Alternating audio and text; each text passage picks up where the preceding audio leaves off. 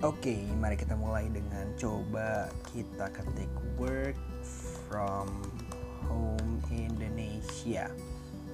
Ada apa aja di sini yang muncul? Wis, ternyata banyak banget nih artikel-artikel tentang work from home. Tapi kok kebanyakan tentang lowongan ya?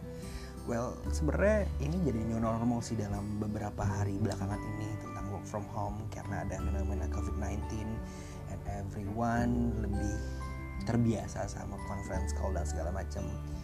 Ini kayaknya bakal jadi hal yang menarik buat dibicarain deh. Mungkin gue bakal ngobrol sama beberapa teman tentang uh, work from home atau tentang gimana buat bikin kita tetap jadi waras dan juga sehat selama ada di rumah ya dicoba-coba aja kali ya.